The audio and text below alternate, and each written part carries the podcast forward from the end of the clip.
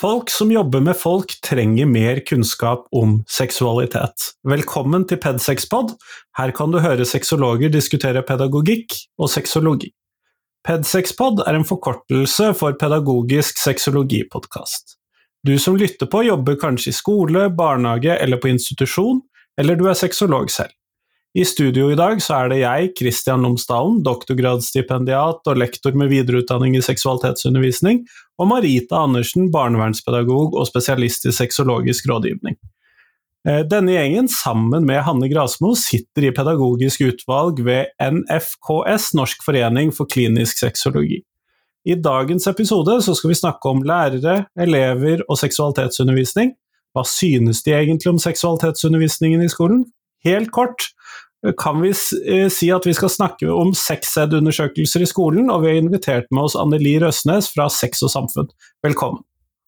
Tusen takk. Jeg tenkte kanskje at du skulle få lov til å introdusere deg selv, så ordet er ditt. Ja, takk. Eh, mitt navn er altså Anneli Rønes. Jeg jobber som fagpolitisk rådgiver eh, hos Sex og Samfunn. Eh, og Sex og Samfunn er eh, Norges største, største, senter for seksuell og reproduktiv helse og rettigheter.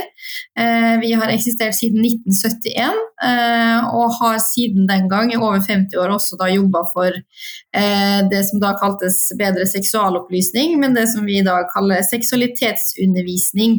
Eh, så det er en av de tingene vi bl.a. gjør, at vi også holder undervisning for 9. klasse i Oslo-skolen. og så har vi engasjert oss litt ekstra ekstra litt sånn på nasjonalt nivå. Ehm, og kjørt et par runder med undersøkelser blant elever og lærere i skolen for å finne ut hvordan Eh, egentlig todel, hvordan undervisninga er. Eh, vi hører jo mye om at den er dårlig, men er den det? Eh, og hva er det som trengs for å eventuelt forbedre den, sett fra både elever sitt ståsted og også lærere? Kjempeflott. Og i dag så skal vi jo da snakke om uh, sånne undersøkelser sånn som dere har gjort på nasjonalt nivå, og jeg har skjønt at du har hatt litt ekstra ansvar for denne delen av arbeidet til Sex og samfunn. Kan du forklare først, hva er en sånn undersøkelse? Ja, altså Vi har jo hyra inn eh, Kantar til, til, å hjelpe oss med det her, men vi, uh, hele utgangspunktet for, for, at vi ville uh, bruke tid og ressurser på en sånn undersøkelse, er jo fordi at vi så i media at uh, det ble ofte altså egentlig sånn gjenfortalt at seksualitetsundervisninga var dårlig. Uh, vi så det på når vi kom ut i skolen uh, at det var veldig variasjon i hva elevene hadde fått av seksualitetsundervisning da vi kom. Noen hadde fått masse, og, og vi kunne på en måte hoppe over den, den enkle delen av det vi skulle, skulle levere, og noen var mye mindre eh, opplyst sånn sett. Sånn at vi så at det var en variasjon i Oslo, eh, og da antok jo vi kanskje at, eh, at den, eh, den, gjengse eh, oppfatninga av at det var dårlig, kunne også ha store variasjoner i landet. Så vi, for å kunne drive litt sånn politisk påvirkningsarbeid, da, som vi også holdt på med, for å kunne gå og si til politikere, for å kunne prøve å gjøre noen endringer, så måtte vi også ha et utgangspunkt. Så da måtte vi vite hvordan det var. Eh, så vi kjørte en runde i 2016 og 2017 blant elever og lærere. Eh, og så kjørte vi en ny runde i 2021 blant elever og lærere. Så da har vi totalt sett nest, altså litt over 5500 svar eh, på de to rundene her. så da har vi på en måte tatt de dataene som vi har funnet, og skrevet noen rapporter der, men også tatt funnene videre litt både til politikere, eh, også ut til lærere. Eh, måte, må jo også teste det om det, måte, det vi legger frem er noe som de kjenner seg igjen i. Eh, også til elever. Er det her eh, som det rapporteres om nasjonalt, noe som elevene kjenner seg igjen i? Hva kan vi ta videre og bygge videre på for å gjøre den undervisninga bedre? Så det er en sånn eh, Vi begynte med det her i, i 2016-2017 eh, fordi at vi syntes at det var litt lite informasjon om det, og tenkte at ok, nå skal vi samle. Eh, og de eh, første elevundersøkelsen var det ekstremt stor oppslutning om. Det var sånn Kantar sa til oss at det er sjelden at vi har så god oppslutning om en undersøkelse. Det var i kommentarfeltet skrevet av elevene å takk for at dere gjør det her, det her er så viktig for oss. Så det, eh, Da tenkte vi at vi kjører en gang til i 2021 og ser om noe har forandra seg. Så det var litt spennende også det da, å kunne ha to å se på. Og jeg vet jo, jeg har fått lov til å lese den rapporten, den ligger vel for så vidt tilgjengelig for alle. For i februar 2022 så kom vel den ut, og jeg syns det er kjempespennende å snakke litt om hva dere faktisk fant når dere fikk så stor oppslutning eh, på svara. Eh, og da tenker jeg jo litt sånn f.eks. da, eh, hva, hva, fant dere egentlig, sånn, hvis du tar litt sånn grove trekk? Veldig grove trekk, eh, så ser vi at eh, elevene ønsker mer seksualitetsundervisning. Um, I 2021 så oppga litt i underkant av halvparten av elevene at de var fornøyd med undervisninga, og så sier halvparten at den ikke er god nok. Vi så en økning fra, fra, første runde til andre runde hvor mye tema de savna, så de savna altså mer nå enn de har gjort før. Eh, blant lærerne så syns vi at de to viktigste som vi trekker ut fra de, er på en måte det som de sier at um, de ikke føler at de har uh, altså at de ikke er kvalifisert eller har nok kunnskap til å, til å, gi den. Kvaliteten er dårlig, og kunnskapen de har fått i undervisninga er Det var kun 12% som sa at de hadde fått nok kunnskap gjennom sin utdannelse. Eh, så det er kanskje de, de hovedtrekkene. Så er det noen andre eh, sånn, mer sånn detaljerte, litt mer sånn interessante for Hvis du ser bort fra, fra, det store bildet, det er jo at eh, elever f.eks. de sier at de har fått seksualitetsundervisning primært i naturfag. Der er lærere enige, at de sier at de har gitt det primært i naturfag, men eh, det er større andel av lærere som da sier at de har gitt undervisning om seksualitet i andre fag. Eh, sånn at eh, det er kun et fåtall av elever som sier at de har fått undervisning om seksualitet i fag som norsk, KRLE, samfunnsfag. Eh, mens lærere da har på en måte tenkt det inn som en, del av seksualitetsundervisning. Altså der så vi i den første undersøkelsen at det er kanskje litt ulik forventning til hva seksualitetsundervisninga er. Og det er jo litt sånn Nå snakker vi om seksualitetsundervisning. Det er ikke så veldig mange år siden vi snakka om seksualundervisning. Og det er jo noe som bl.a. Helsedirektoratet har gått inn for at man skal endre det for å på en måte utvide det begrepet. At det er snakk mye, mye mer om, om uh, identitet, følelser og den type delen av seksualiteten, ikke bare den seksuelle helsen. Så det syns jeg er litt interessant at uh, kanskje elever og lærere har litt ulik, uh, ulik tanke om hva en seksualitetsundervisning er. Det er klart liksom, Når man har det i naturfag, man blar opp boka på, på sida om anatomi eller uh, reproduktive organer, så tenker elevene helt sikkert det her er seksualitetsundervisning. Og så går de inn i norsken og snakker om et dikt der man snakker om identitet, f.eks. Så er det ikke gitt at elevene tenker ok, den timen der hadde vi egentlig undervisning om seksualitet. Um, så det syns jeg var ganske interessant. Um, og En annen ting som vi også så, er jo at selv om um, elever ønsker i stor grad at det er eksterne, enten det er helsesykepleier på skolen eller eksterne aktører som kommer inn, så så vi når alt kom til alt, så var det viktigste at den som holdt den undervisninga, det var noen som var trygg, som hadde kompetanse, eh, som, som turte å ta opp alt eh, som elevene lurte på. Og det sier også lærerne at vi, vi kan godt holde, men vi, vi trenger kurs, eh, kompetanse. Det skal ikke være flaut for et voksent menneske å si pupp og penis. på en måte. Det er sånn, sitat fra, fra undersøkelsen. Eh, så der ser vi jo egentlig at det er kanskje skolen som, som burde ha tilbudt den, men det er ting som trengs uh, før det blir bra. da. Jeg må jo si det, Anneli, at jeg er positivt overrasket når du sier at 50% var, fornøyd, var fornøyd av disse elevene.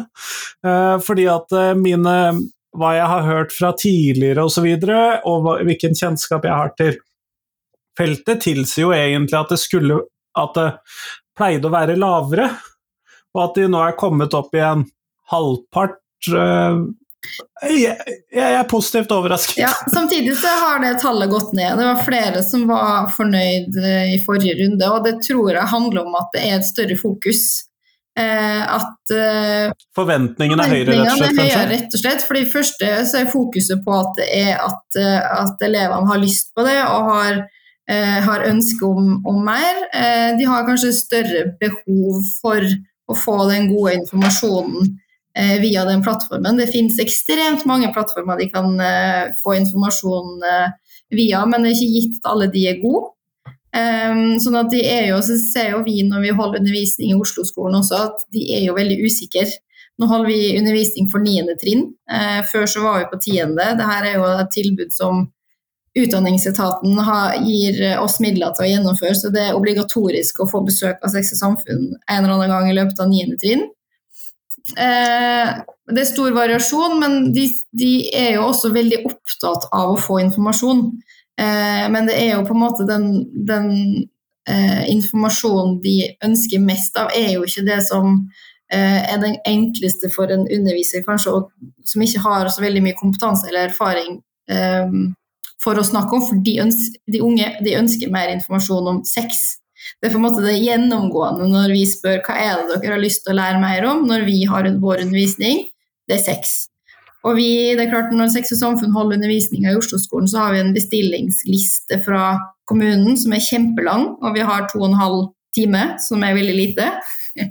Eh, og det er noe vi skal gjennom, eh, og det er f.eks. prevensjon og seksuelt overforbare infeksjoner eller kjønnssykdommer. og det kan vi rase gjennom hvis de har hatt en del fra før, men vi må ta det ganske grunnleggende hvis de ikke har hatt det. Så det kommer an på eh, hva læreren har gitt de før, og hvor langt. Altså, det har også litt å si når i skoleåret vi kommer inn. Men de er i hvert fall opptatt av å få en type informasjon som det ikke, kanskje ikke nødvendigvis er så enkelt å google seg til. Og når vi vet at mange unge ser porno, eh, så har vi en forståelse av at de skjønner at porno ikke er virkelighet, men det betyr jo ikke at porno gir altså, sånn, Det er jo ikke det motsatte av porno som er virkelighet, så de får jo ikke noe svar på hva virkeligheten er ved å um, ved å bruke de kildene. Sånn at vi, vi ser jo at de, ja, de, de, krever kanskje mer, da, og det er egentlig bra, tenker jeg. Det gir et håp for fremtida, det. Men Anneli, når de da eh, ønsker mer av ting, og så sier du at de ønsker mer hva skal vi kalle det, instruksjon eller informasjon om sexbiten, er det noen andre temaer som peker seg ut som de ønsker mer informasjon om? Ja, altså det, når vi spurte eh, om det var noe tema de savna, eh, så er det 66% i 2021 som sier ja. Eh, som er en økning fra forrige gang, da det var i underkant av 50. Men de som da sier ja, det var noe jeg savna, så er det øverst så sier de vi savner Vi vil ha mer av alt. Det var på en måte det første de svarte. Eh, og så har vi kategorisert litt, litt, etter det, og da er det mm, det andre som de sier at det savner, er eh, følelser av skeiv seksualitet og seksuell debut. Som er på en måte de, de, tre neste der. Og det er jo også tema som på en måte Det er jo ingen to strek under svaret der. Eh, så det er jo en, liksom en lengre samtale, kanskje, og det er kanskje vanskelig for, for både elever og lærere i et klasserom å ha de gode samtalene der eh, på bestilling også. Det, det, må på en måte kunne være eh, rom for å snakke om det her utafor, klasserommet. Og jeg har jo um, hørt på en forsker som heter Ken Air, og han har jo gått for å se hva er det ungdommer søker mest på av artikler her i Norge. Og da får man jo porno, kåthet flørting, mensen. Og det er på en måte ting man, man lurer mer på. Så den her følelseskompetansen som vi snakker om. Og tenker også Det er ikke så lett da, hvis du har hatt tre timer seksualundervisning, eller fire var det vel kanskje gjennomsnittet du har hatt eh, på den undersøkelsen. Og så skal du vite hva du har lyst på mer av, for man skjønner jo at det er noe mer, men jeg vet kanskje ikke hva mer, mer er. Eh, så det er jo klart vanskelig. Men eh, er det noe elevene ønska mindre av? Var det Du vet hva, eh, det har vi ikke spurt om.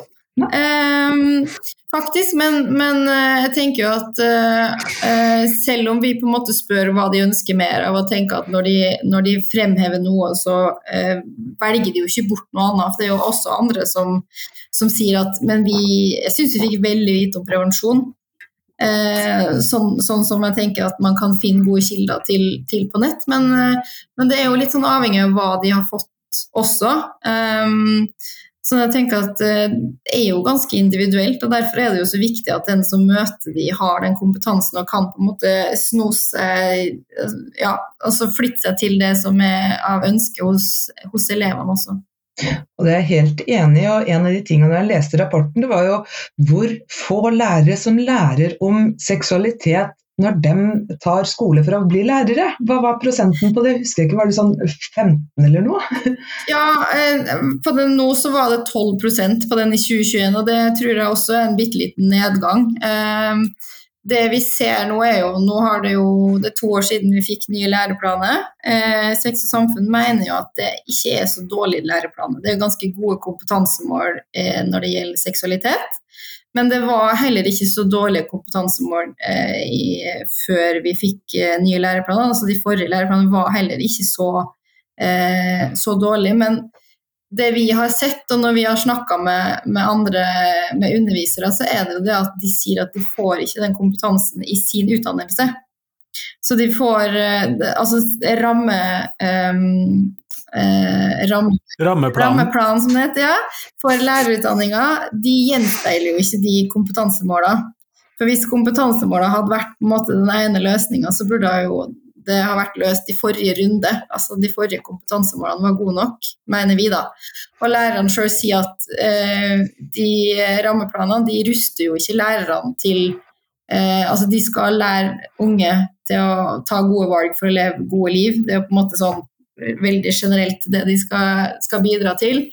Um, men i rammeplanen så er det ikke noe godt um, uh, verktøy og god undervisning for å, for å kunne gi den undervisninga videre. Det er det mange som sier til oss. Og det er mye som skjer der, heldigvis. Uh, der er det jo både en del uh, som er inn på undervisnings... altså inn på lærerutdanninga, og så er det noen som går over der igjen, eh, som jeg tenker er kjempeviktig. At det ikke bare kommer inn og holder undervisning for de som skal bli lærere, men at de også eh, holder undervisning for de som skal undervise lærerstudentene, sånn at de går på flere plan der. Og det er veldig gode prosjekt eh, som, som er ute nå, som jeg håper bærer frukter snart. da. Også spennende å høre. Jeg blir så glad for at det, det, jobbes aktivt med, og at dere nettopp tar sånne undersøkelser. Men vi har jo snakka litt om elevene. Hva er det lærerne ønsker? Hva, hvilke tips har dem, eller hva kommer fram i undersøkelsen fra lærerne? Utover mer utdannelse selv, da, selvfølgelig. utdannelse, så klart. Eh. Altså, det er jo eh, Noen er veldig obs på at de eh, sjøl bør ha den kompetansen, og bør få den kompetansen. Eh, og når du på en måte er ferdig utdanna, så må du kunne få kurs og videreutdanning. Eh, noen har gode samarbeid med, med helsesykepleiere på skolen.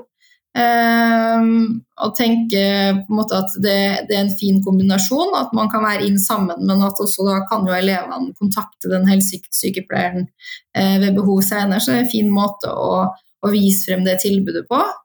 Noen lærere de bruker eksterne ressurser. Det er jo eh, Internett er jo en ressurs. Det jeg syns var synd, um, som jeg tenkte på i etterkant, at vi ikke har spurt hva er det på internett man bruker av ressurser. Uh, men vi ser jo da at de som Jo senere man er utdanna, for det har vi også da stilt spørsmål om hvilke når altså sånn ca. når man tok utdannelsen sin, så ser vi at de som, jo senere man er utdanna, jo mer bruker man internett. Eh, og så har de jo sagt at de ønsker andre verktøy, eh, enten det er kompetansemål eller ressurs. Altså Utdanningsdirektoratet hadde en ressurs, de har akkurat eh, nå i høst laga en ny sammen med bl.a. Helsedirektoratet. Eh, verktøy eh, som f.eks. Uke 6, som sexpolitikk har. Eh, eller at de får inn eksterne som et på en måte supplement. da. Eh, kan være en, en, løsning for de som allerede er der. fordi de som allerede er i skolen i dag, må jo også eh, få kunne Det er jo de vi har spurt, vi har ikke spurt lærerstudenter uh, i vår undersøkelse. Men uh, mm. en, og her er jo jeg som lærer og som lærerutdanner i Bergen, så er jo jeg grisemisunnelig på de som har tilsvarende oppgaver i Oslo, med det å ha sex og samfunn der, og som et obligatorisk tilbud. Samtidig så er jo ikke dere dimensjonert for å kjøre alle årstrinn og alle, ta imot alle elevene hvert år og kunne ha kontinuerlig og gjennomgående seksualitetsundervisning, og det kan jo ikke være en målsetning. Og jeg syns jo det blir litt jeg, jeg, blir alltid litt bekymret når lærerne ønsker at det skal komme eksterne inn for å gjøre det. Eh, fordi at jeg tror at vi trenger å ha en god miks med noen eksterne og noen interne, sånn at man kan ta ut de tingene som trenger tillit, og ta ut de tingene som trenger litt distanse på litt sånn forskjellige tidsrom. Og det vil jo være varierende for de ulike elevene. Eh, men så skjønte jeg jo det at sånn eksterne opplegg, eksternt lagde opplegg, også teller inn under det eksterne i dette tilfellet, og det beroliget meg litt mer, må jeg jo si. Eh, fordi at det, jeg blir litt lei meg når man ønsker å bare hente inn eksterne for å slippe unna å gjøre det selv. Ja, altså Vi ser jo fra, fra første runde i 2016-2017 og så til nå i 2021 at det er en økning både av eksterne eh, hjelpemidler i form av organisasjoner, da, hvis man kan kalle det, men også av ressurser som f.eks. uke 6. Det er jo en dobling der, nesten. Eh, og jeg er helt enig med deg at uh, Sex og samfunn uh, sin jobb i Oslo er jo ikke noe som skal liksom skaleres opp, tenker jeg. Og vi skal faktisk være et supplement til den undervisninga som de skal ha. Så vi skal være en ekstra dimensjon, da, kan man kalle det. Men vi kommer jo ofte sånn som en substitutt. Eh, sånn som jeg nevnte innledningsvis, at Vi ser jo veldig stor forskjell på de klassene som vi møter, om de har hatt noe før eller om de ikke har hatt noe i det hele tatt. Um, og det skal jo ikke være en hvilepute at vi kommer inn, uh, og sånn kan det ikke være liksom, når det gjelder eksterne som generelt. Men jeg tenker jo at det kan uh, Og det her er ikke noe som vi har landa på heller, men løsninga for en bedre seksualitetsundervisning er jo kanskje litt sånn mangefasettert. At det skal på en måte også at lærerne skal eh, få det i undervisninga si, at de som er ute nå skal kunne bruke de verktøyene som de trenger. Eh, og akkurat f.eks. noe av det vi gjør undervisning på, er jo litt sånn eh, helsefaglig eh, tematikk også, på prevensjon og infeksjoner. Det kan man jo på en måte selvfølgelig lese seg opp på, men de som gir undervisning på vegne av Sex og samfunn, de jobber på vår klinikk, eh, og de jobber på vår nasjonale chattjeneste. sånn at de, de kan faget eh, veldig godt, og de kan også på en måte svare litt sånn i det større bildet. Eh, som jeg tenker at det er jo fint for altså det, Kanskje det er vår styrke da, at vi får inn den helsefaglige biten inn der, men samtidig så tenker jeg at hvis læreren på en skole syns at eh, helsesykepleier er fornuftig samarbeidspartner, så er jo det bare fint om den personen kan komme inn og ta det som er det helsefaglige, og så har man en sparringspartner etterpå. Og min, eh, min sånn tanke i etterkant av de undersøkelsene der er jo at ja, lærerne får den kompetansen de er veldig påskrudd kan være i undervisnings... Altså i timen. De kan si alt det riktige i en, i en uh, undervisning og være helt liksom, skulle til å kalle det politisk korrekt. Og så er det noe som skjer ute i gangen etterpå, så kommer det et sånn sleiv uh, sitat som kan på en måte bygge ned mye av det som, uh, som, de har prøvd å bygge opp. sånn at det er jo viktig med å ha den kompetansen i bunn, sånn at man hele tida bruker det riktige språket, og ikke bare bruker det når man tenker at nå har vi seksualitetsundervisning, nå skal vi snakke om eh, sånn og sånn, men at de har det med seg hele tida. Det krever trygghet også, tenker jeg, og da må man ha den kompetansen. Jeg tenker jo at eh, jeg er jo ekstern, holdt jeg på å si, som en av disse målgruppene. Eh, og jeg har jo litt forskjellige eh, erfaringer nå fra skoler. Og, og det er som jeg sier, jeg blir ofte leid inn når det er blitt en problematikk og det jeg kanskje syns er så leit, det er at jeg sier vi kan forebygge så godt ved at jeg får to timer med naturfagslæreren f.eks. på denne skolen med LHBT-problematikk, så kan dere fortsette å kjøre et løp hvert år, eller invitere med helsesykepleier når jeg skal ha tre timer seksualundervisning, eller eh, men, men, så kommer man dit, og så skjer hverdagen, så er det nesten ikke en lærer som har tid til å være med på eh, at de har betalt meg inn en gang. Da, da har de på en måte leid inn en ekstern som brannslukker litt her og nå. Og så tror jeg de fikk mye bra seksualitetsundervisning av meg, men eh, det, så, det, blir så tilfeldig. Nå var det ett kull som fikk, og de kunne jo eh, takka ja til å bli med og fått plutselig redskap til å være litt selvgående.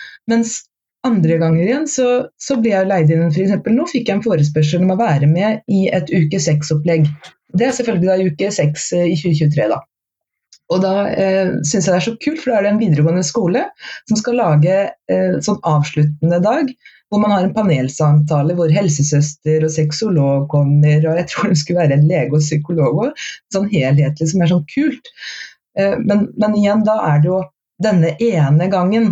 Det blir det jo som eh, Jeg tror jeg leste i den undersøkelsen at de ønska jo eh, hvert år å få seksualitetsundervisning. Elevene ønsker liksom ikke at det er ett opplegg, eh, eller sånn, selvfølgelig et bra opplegg, men eh, man ønsker noe mer, da. Hvis jeg skjønte riktig. Jeg tenker at Det er et kjempeviktig poeng, og, og at det er eh, noe som går over eh, tid. Eh, en alderstilpassa seksualitetsundervisning som vi i Sex og Samfunn skulle ønske oss begynte i barnehagen og fortsatt ut i videregående. Eh, og det er jo på måte, det er jo på bakgrunn av flere ting. Det ene er jo at de vi ser i 9. klasse er veldig ulike. Um, både altså innad i klassen. Det er veldig mange ulike Noen har kommet veldig mye lenger enn andre, f.eks. Um, både i tankegang og kanskje på en måte i aktivitet. Uh, og så tror vi at uh, hvis man skal tenke sånt både forebyggende, men også som vi veldig gjerne har lyst til å tenke, helsefremmende eh, og litt sånn positiv seksualitet, eh, så er det jo å få inn litt eh, Få inn seksualitet fra barnehagen og bare kunne snakke om det og kunne Eh, kjenn på,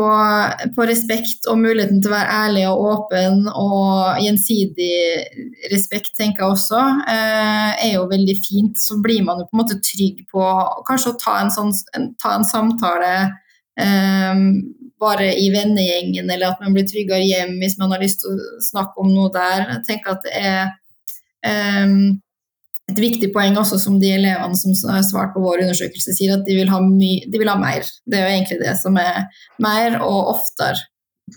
For eh, jeg tenker jo Nå har dere samla et veldig bra datagrunnlag. Men hva eh, gjør dere nå framover med dette grunnlaget? Hva ønsker dere å oppnå med de undersøkelsene? Den, for det krever jo mye ressurser å kartlegge. Hva, hva ønsker dere at vi skal få brukt det til, og hvordan går dere fram for å bruke det? Eh, vi, vår kontaktperson, eller han som hjalp oss i Kantar, han eh, var litt sånn Dere har så mye data at dere kan skrive rapporter i mange år fremover. Eh, så det er kanskje det første, at vi må skrive flere rapporter. Det var veldig lett når vi gjorde den første rapporten i januar, nei, i februar som vi lanserte, som var en oversiktsrapport og se at neste rapport, da vil vi snakke om temaet undervisning. For det var på en måte noe som skilte seg litt ut. Eh, så vi har lyst til å se på data videre. Vi har jo en rekke med påstander som de har på en måte gradert, både elever og lærere. Eh, så det kunne vært spennende. Også litt sånn bryte ned litt geografisk, eh, kanskje. Det vi har gjort i år, i tillegg til å publisere de to rapportene, er å snakke med politikere. Um, vi var på høring i um, Stortinget i forbindelse med statsbudsjettet, der det her også ble, ble tatt opp. Um, der vi ja, vi peker på gode, gode, initiativ, sånn som jeg nevnte i stad, med at man har undervisning eh, altså Man har eksterne inn på lærerutdanninga, og man har noen også som kan undervise underviserne på lærerutdanninga. Men det er litt fragmentert eh, i, med tanke på hvor ressursene kommer fra. Eh, akkurat i det prosjektet med undervisning av undervisere eh, støttes av Helsedirektoratet. Vi tenker kanskje at utdanningssektoren burde ha kommet litt på banen. Vi syns det burde ha vært litt mer tverrsektorielt samarbeid.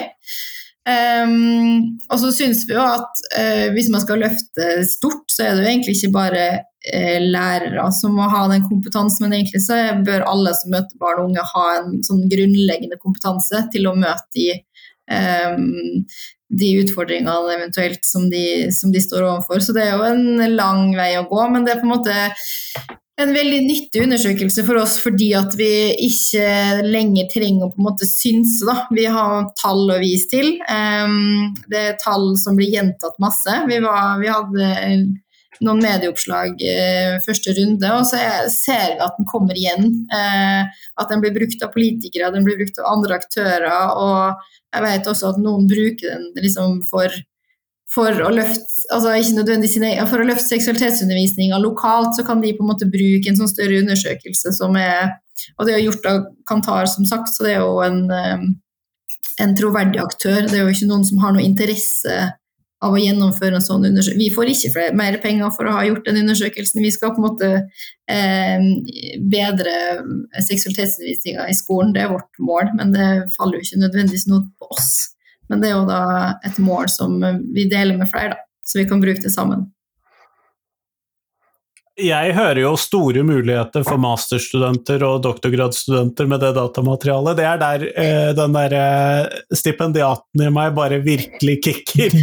Kom med tips hvis du kjenner noen. Eh, for det her tror jeg det kunne vært veldig mye gøy.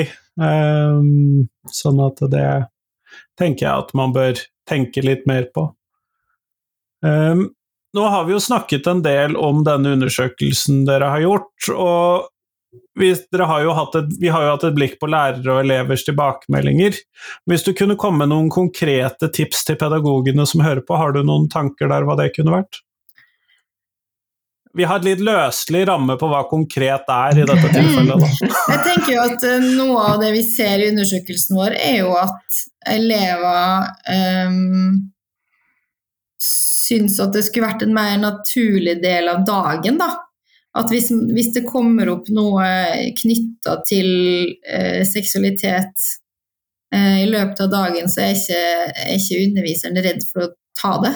Eller ikke ta det, da, men ta tak i det, er bedre å si. Eh, at, eh, at eh, elever ofte føler, ifølge undersøkelsen, at um, det, er, det, må være litt sånn gjensidig at det går an å ta opp uh, tematikken fra begge hold. At det ikke på en måte blir bare styrt av lærerne, for nå, nå, har vi det på timeplaner i et fag. Men at det går an å stoppe litt opp, snakke litt om det, ta, ta den ekstra runden kanskje, fordi at det opptar elevene og deres hverdag såpass mye da, at jeg tenker at det er kanskje en viktig ting å ta med seg tenker at det er en stor del av livet deres. Sex og samfunn så pleier vi å si at seksuell helse det henger sammen med fysisk og psykisk helse. Det er på en måte, Man er tredelt som, som menneske. Eh, at en underviser må tenke at vi er seksuelle, og alle har en seksualitet. Eh, det vi ikke har spurt om i vår undersøkelse, er jo litt eh, på eh, ulike minoriteter eller personer med nedsatt funksjonsevne, og hvordan man føler representasjon i undervisninga. Eh, så det tenker jeg at også er et veldig viktig punkt å ta med. å liksom Ha et inkluderende språk, f.eks. Og ikke eh, Ja, som sagt, alle er seksuelle, og alle har en seksualitet. Og det er jo veldig viktig å, å se alle for det. Veldig gode poenger, og jeg syns det var gode tips men jo, har du også i samme sleng noen tips til hvordan vi kan få til å følge disse rådene dine? Hvordan kan, vi klare, eller hvordan kan lærerne være i stand til å nettopp ta det litt på sparket, ta problemstillinger som dukker opp, ha et inkluderende språk? Hva er dine tips til å eh, gjennomføre? Jeg tenker jo Det er jo også sikkert en utfordring, men det er å ta, ta seg tida til det. Um, og lytte til elevene, og man kjenner jo ofte elevene sine. Uh, og kunne på en måte Og hvis man ikke har tid, så må man jo kanskje si ja, det, takk for det, eller veldig viktig, fint innspill, det kan vi ta. Men altså ikke avfeie dem fordi at man liksom syns det hørtes vanskelig ut å ta, eller man, man hadde litt uh, travelt. Men å være, tenke å være åpen. Uh, og så det med å ha et inkluderende språk, det er jo ikke så enkelt alltid, men da er man ærlig på at jeg er litt usikker på hva, hvilke begrep jeg skal bruke, hva tenker du? Også, og bare være litt åpen på at man kan, uh, man kan trå feil også, fordi man vet ikke hva som nødvendigvis er riktig for den man snakker med, eller de gruppa man snakker med. Men være åpen med hverandre tenker jeg er et kjempe, kjempeviktig sted å starte. Og så kanskje ta litt tid hvis det trengs. Og med det så takker vi alle som har funnet veien hit og brukt tiden sin på lærere, elever og seksualitetsundervisning. Og vi i Pedsexpod vi lager jo da en serie med podkaster hvor vi drøfter ulike problemstillinger knyttet til seksualitet og pedagogikk. Og dere som lytter kan sende oss temaer dere ønsker at vi drøfter her i podkasten. Og forslag kan sendes til pedsexpod at gmail.com. Og vi håper at du kommer igjen.